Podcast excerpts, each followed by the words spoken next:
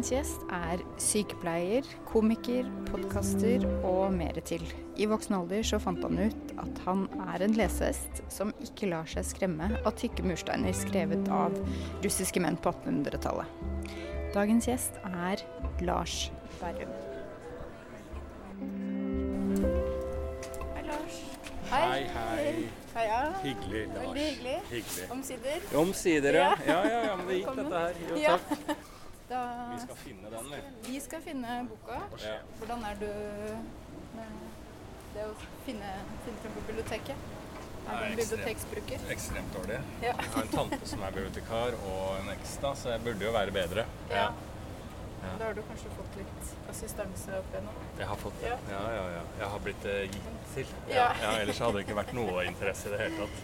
Men eh, nå er vi i hvert fall i skjønnlitterær avdeling. Ja. Hvis du går etter eh, forbokstaven i etternavnet, så ser du om du klarer å orientere deg. Her er vi på noe opplegg, da.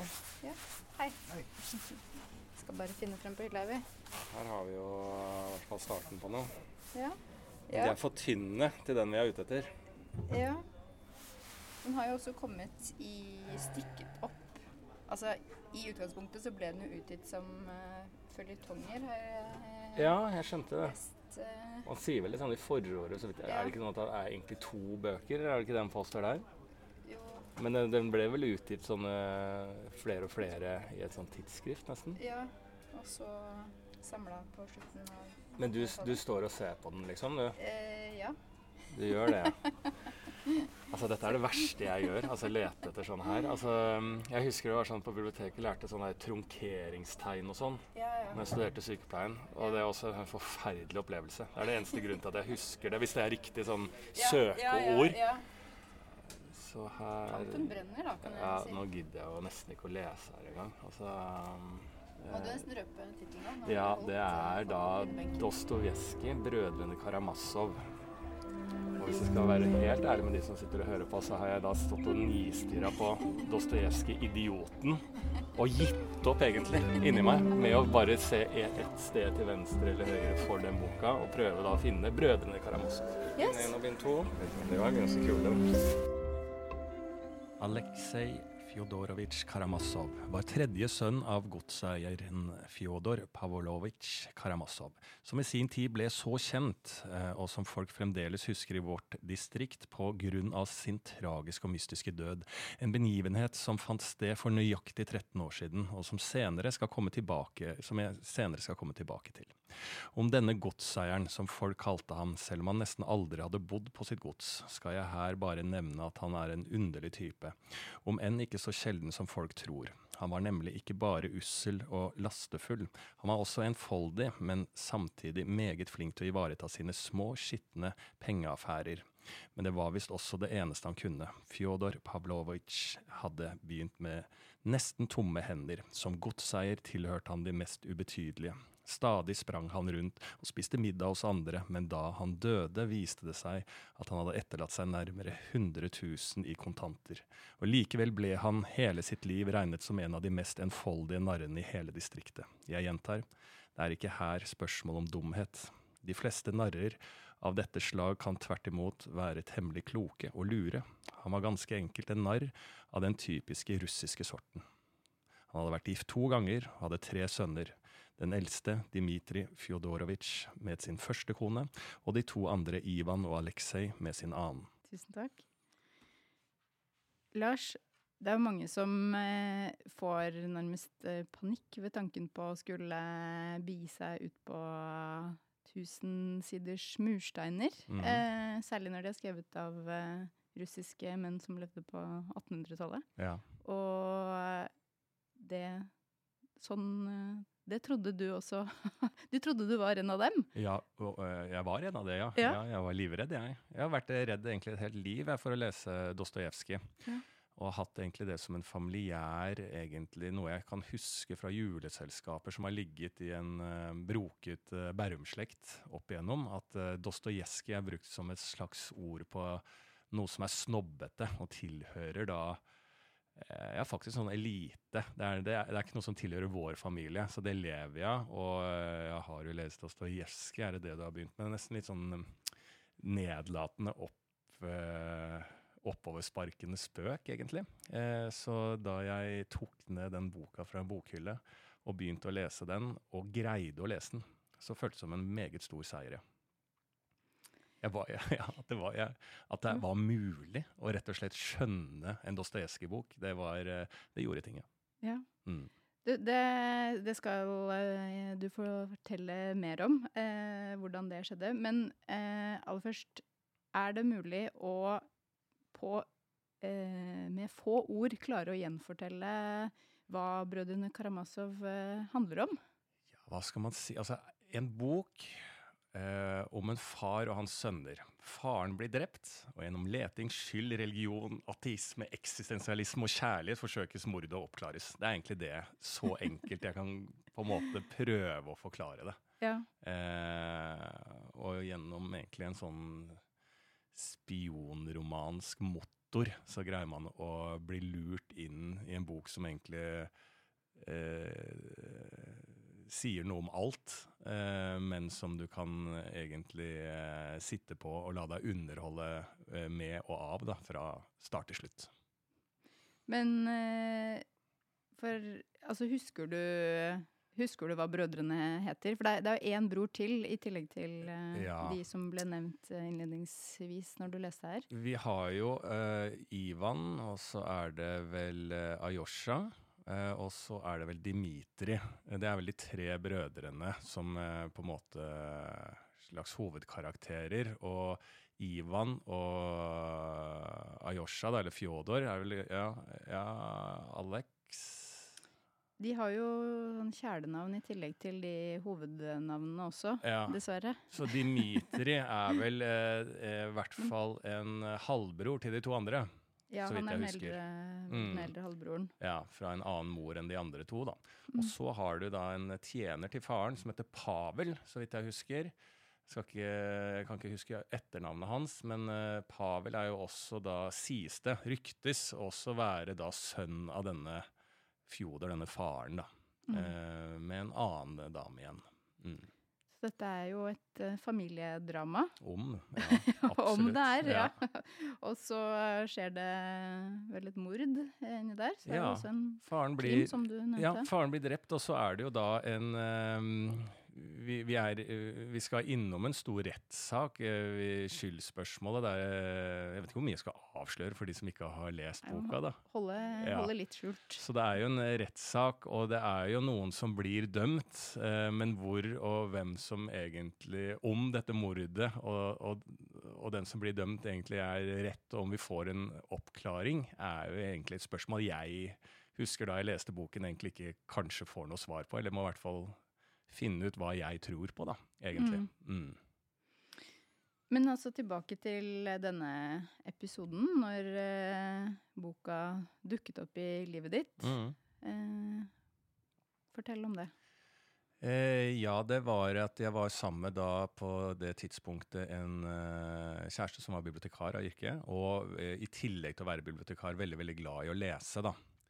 Eh, så var jeg av yrke før jeg gikk inn i dette forholdet. Um, Utdanna sykepleier, men har vært store deler av livet idrettsutøver da, i karate og fotball. Så um, jeg var uh, egentlig alltid bare låst i idrett, og um, det var på en måte min punk, min min musikklede, altså sånn som alle får når jeg var yngre, var liksom i idrett og kanalisert til mye reising med idrett fra jeg var ung. og hva slags miljø det er, det? karatemiljø? Ja, det karatemiljøet er et uh, idrettsmiljø. Det er en, uh, det mye omtalte uh, garderobemiljøet, på en måte, som er veldig gøy. fantastisk samhold. en militærsk, en russebuss, evig stemning etter trening, og litt hard i i kantene og, liksom en prestasjonskultur òg, da. Mm. Hva slags temaer er det som uh, kommer opp da, f.eks.?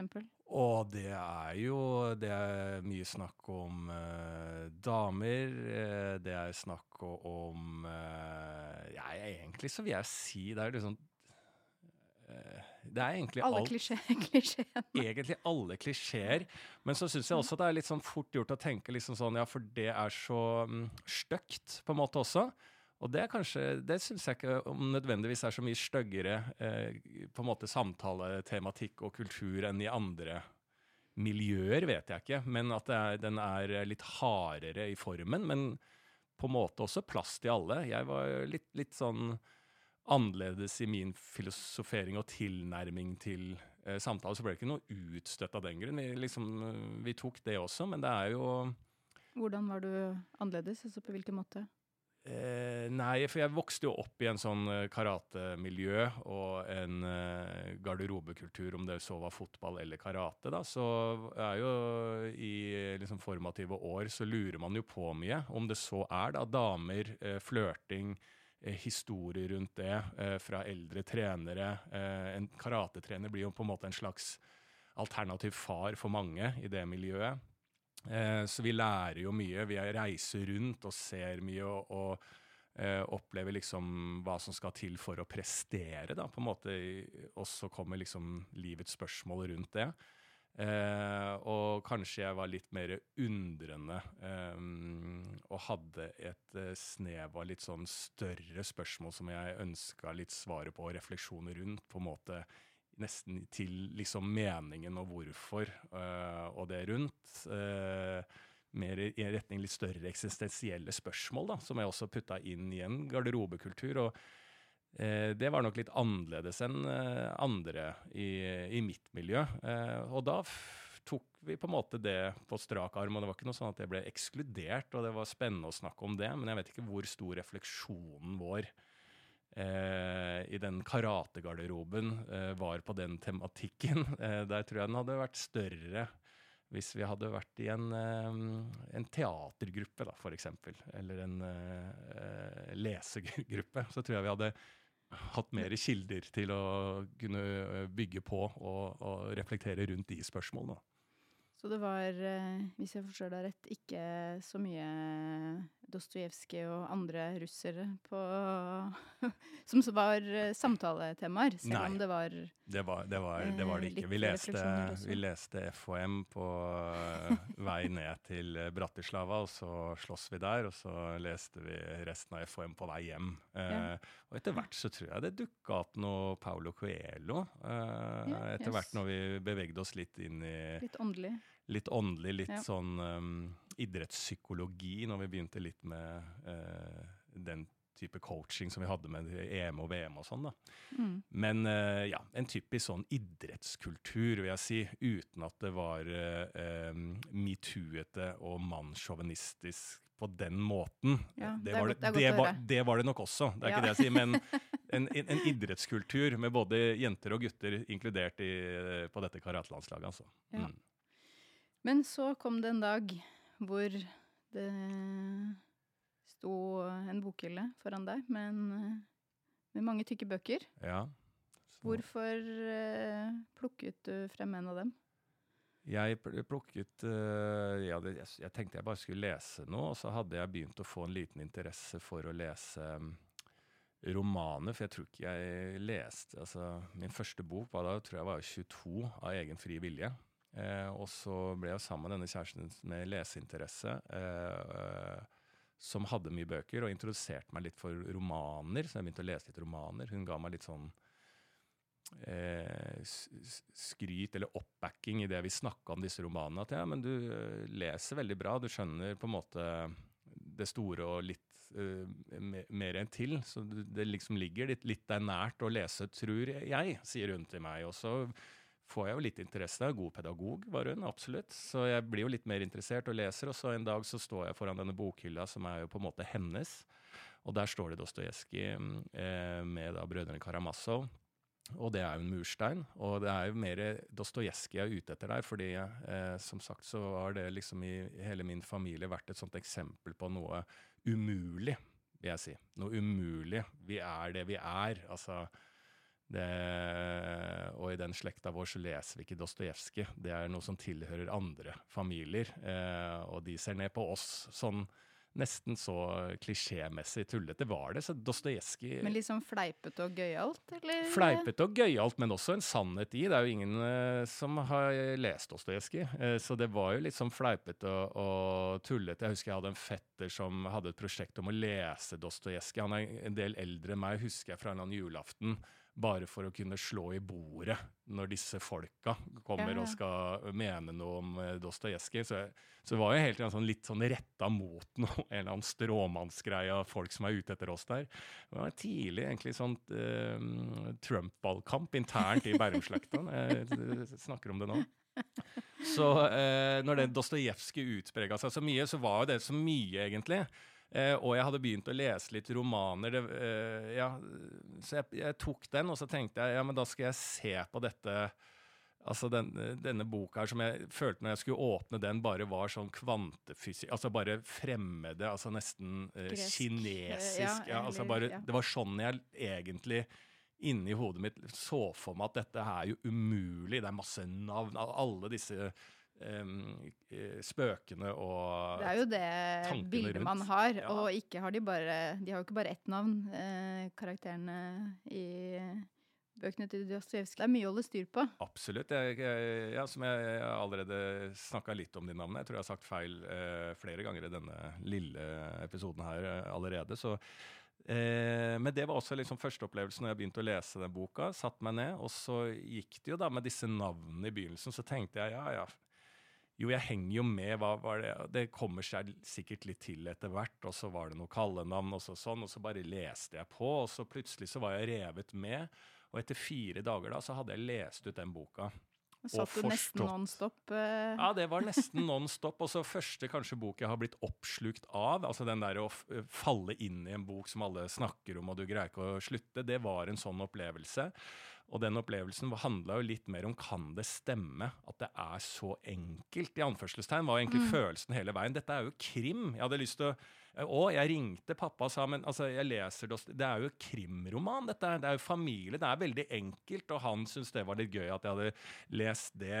Ja, um, Hvordan var reaksjonen nei, han på, syns, på hjemmebane? Ja, Han syntes det var dritgøy. Leser du det? Er ikke det dørgende kjedelig og, og vanskelig og umulig? Nei, det er ikke det. Så jeg liksom drev og og pappa har jo ikke lest Dostojevskij, så vi drev liksom en sånn derre altså, Hvem er det vi snakker til, og hvorfor har vi trodd at dette var helt umulig? Så, så, jeg fikk en sånn veldig sånn Men dette her er jo spennende. Det handler jo om det. Eh, det handler jo om, det er jo kjærlighet her, og det er de store spørsmål, men det er jo et virkelig driv her som engasjerer. Og, som, og jeg husker jeg sa sånn Mamma elsker å lese krim. Hun leser jævla no, Jo Nesbø ut og inn, liksom.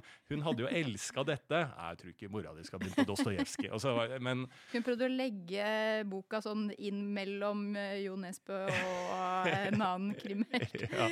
Lekkerbekk, ja, ja. altså. Meget mye store bokhylla til mamma. Uh, nei, så det, det, var en sånn opplevelse av at uh, jeg greier det, det er enkelt, og det gir meg mye. Og ikke minst så svarte det litt på en sånn uh, På det med disse spørsmålene som liksom blir kasta litt opp i lufta i uh, Brønnøy da, og Dostojevskij generelt. Altså litt det eksistensielle. De rett, galt, eh, religiøs, ikke-religiøs. Altså i mennesketypene også. Den på en måte Den som tar, tar den skal ha og mener fortjener til den litt eh, Fordi brødrene representerer vel ja. litt ulike typer sånn sett? Veldig. Ja. Og litt sånn den følelsen at jeg, eh, når jeg leste 'Brødrene Karamazov', liksom tenkte men så fantastisk å greie å skrive dette, for jeg vet ikke hvem Dostojevskij er i disse. altså, altså kan fordi han skriver så bra å kunne forsvare alle de forskjellige mennesketypene i en sånn brødregjeng. da. Mm. Um, og jeg ble dratt til å heie på den, og der kjenner jeg meg selv igjen. Og så Fikk du eh, noen favoritt, eller? Altså Det er jo lett å ende på litt sånn uh, Ayosha da, som en favoritt, syns jeg. da. Hvorfor det? Eh, Hva slags type er han, for de som ikke Nei, altså, har lest? Jeg følte at det var på en måte en som um, jeg, jeg bare følte, og, og, det er litt den narsissistiske og liksom barn, barnslige drømmen, at man er jo litt helten. Jeg følte Ayosha liksom var en slags litt sånn helt som hadde på en måte tatt et valg, skal bli Munch. ikke sant? Det er Mm. liksom det eh, denne, denne broren skal ut og bli Munch.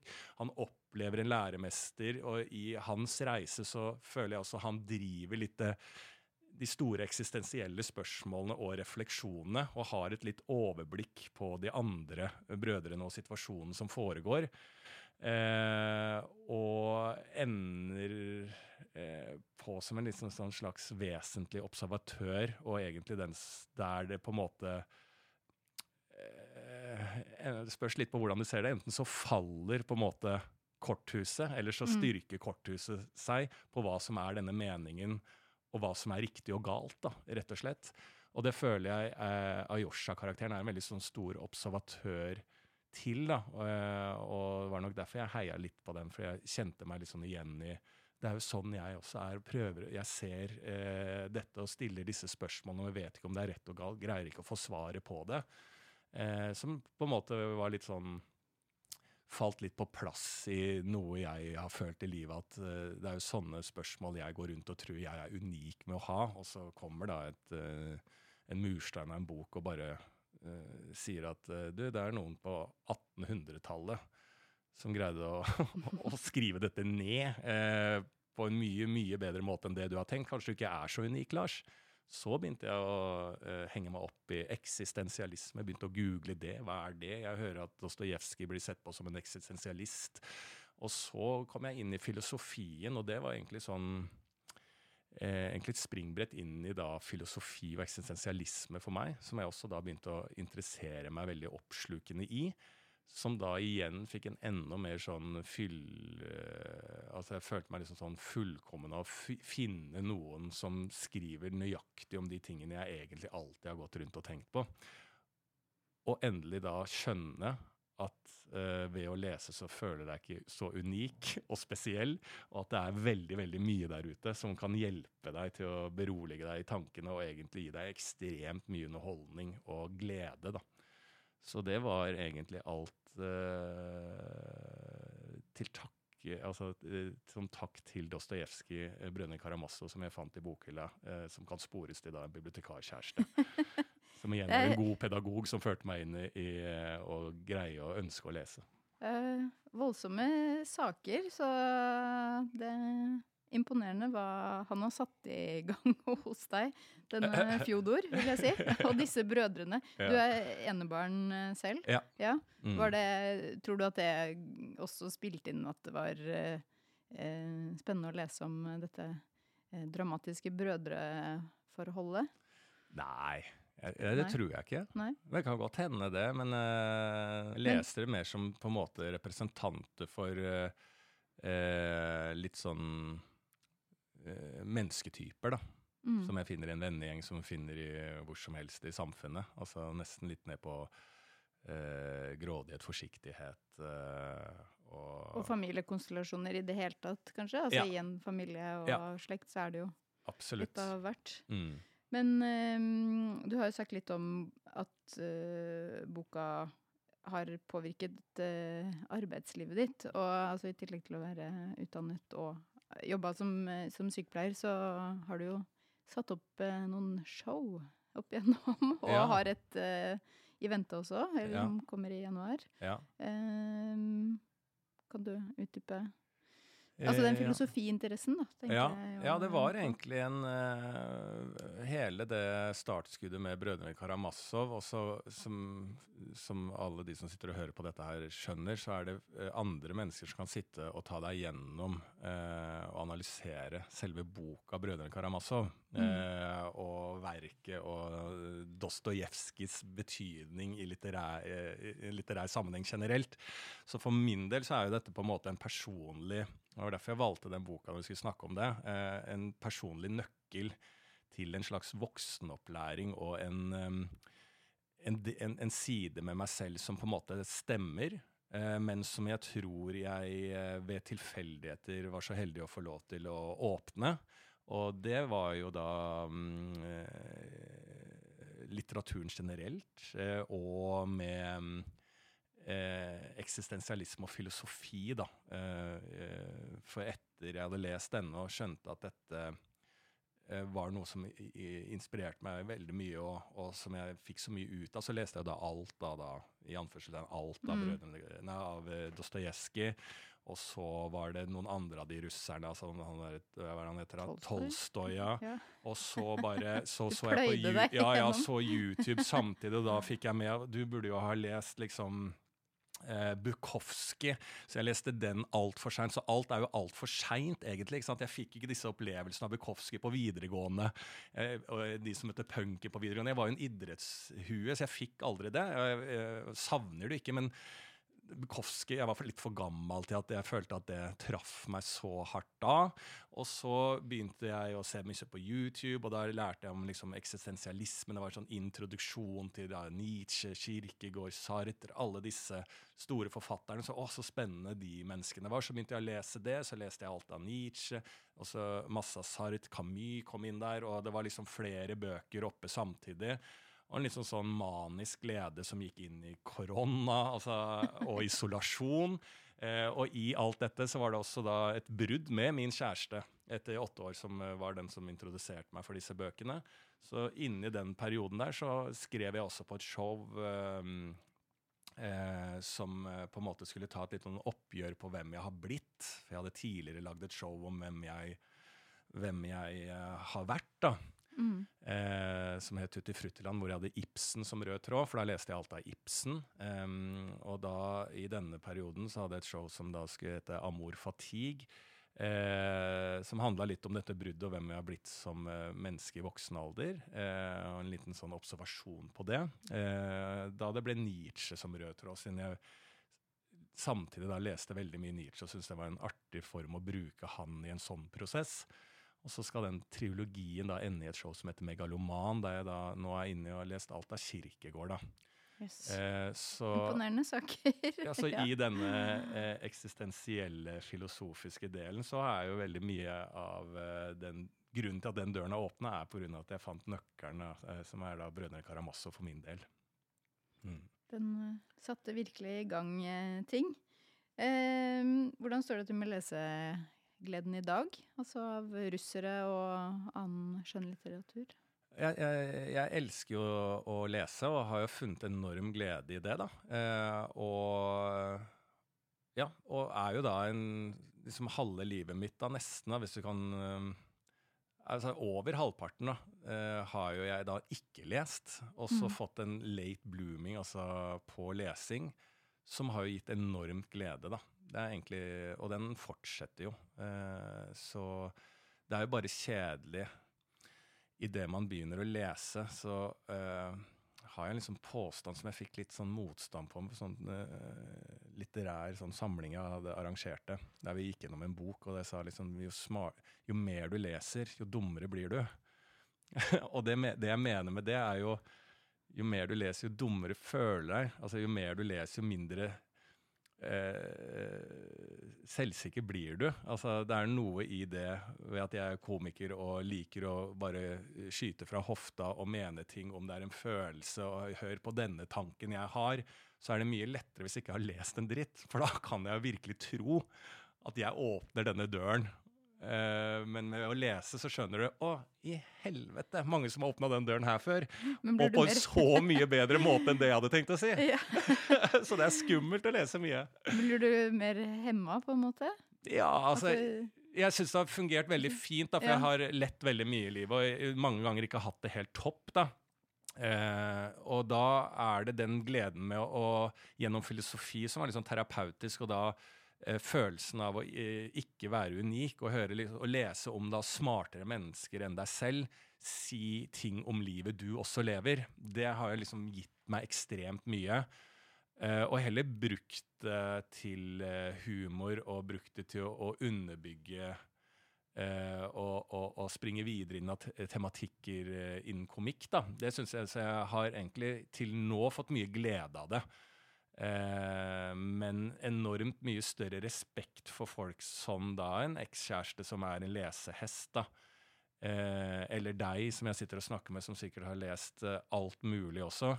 Og når jeg møter folk som dere, som er kanskje litt mer stille og ikke tar bordet så mye som jeg hadde gjort rundt en, en øl, da, Eh, og så vet jeg liksom Å, fader, altså. Inni der så vet Altså, det er sikkert allerede tenkt Ja, ja, jeg hører hva han sier, men det må jo være har han absolutt ikke lest den boka der. Eh, at man, eh, det foregår så mye referanser inni deres hode. Ja. Det er jo veldig mange måter å både lese og snakke om eh, bøker og litteratur på. Jeg eh, syns jo du snakker helt fabelaktig om eh, den lesegleden eh, denne boka som vi snakker om i dag, satte i gang hos deg, da. Men nå har du jo allerede vært inne på at den også har eh, eh, forfulgt deg i eh, kjærlighetslivet. Ja. Eh, og også i nyere tid.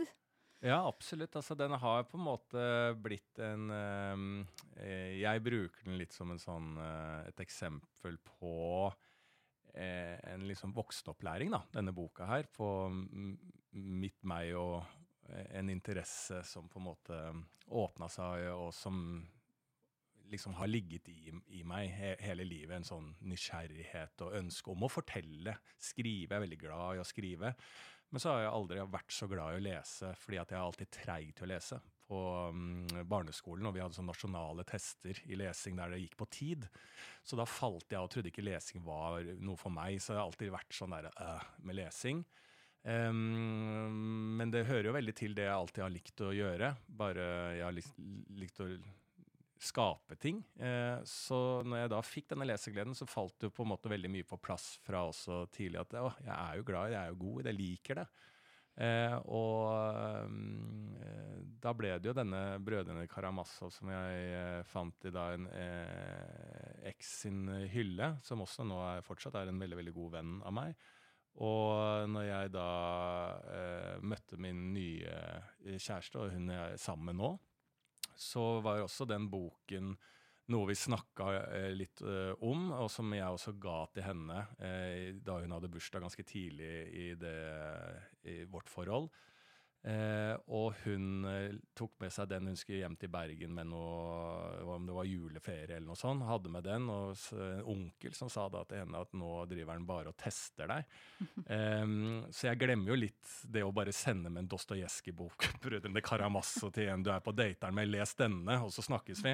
For den intellektuelle uh, duden er jeg ikke. Det var bare mer sånn, for den åpna så mye for meg, så hadde vi snakka om det.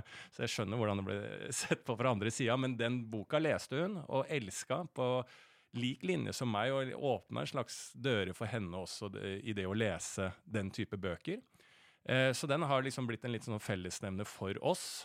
Eh, og når vi da var eh, hadde vår første lange tur sånn en måned i Thailand, da vi hadde en sånn lang ferie sammen etter korona vi hadde blitt sammen, så kom vi hjem da, og da slapp jeg akkurat av Susanne Sundfø singelen eh, Ayosha, som liksom traff oss veldig på den som er jo da et spill til, uh, speil til hovedkarakteren i en av hovedkarakterene i Brønne Karamazov.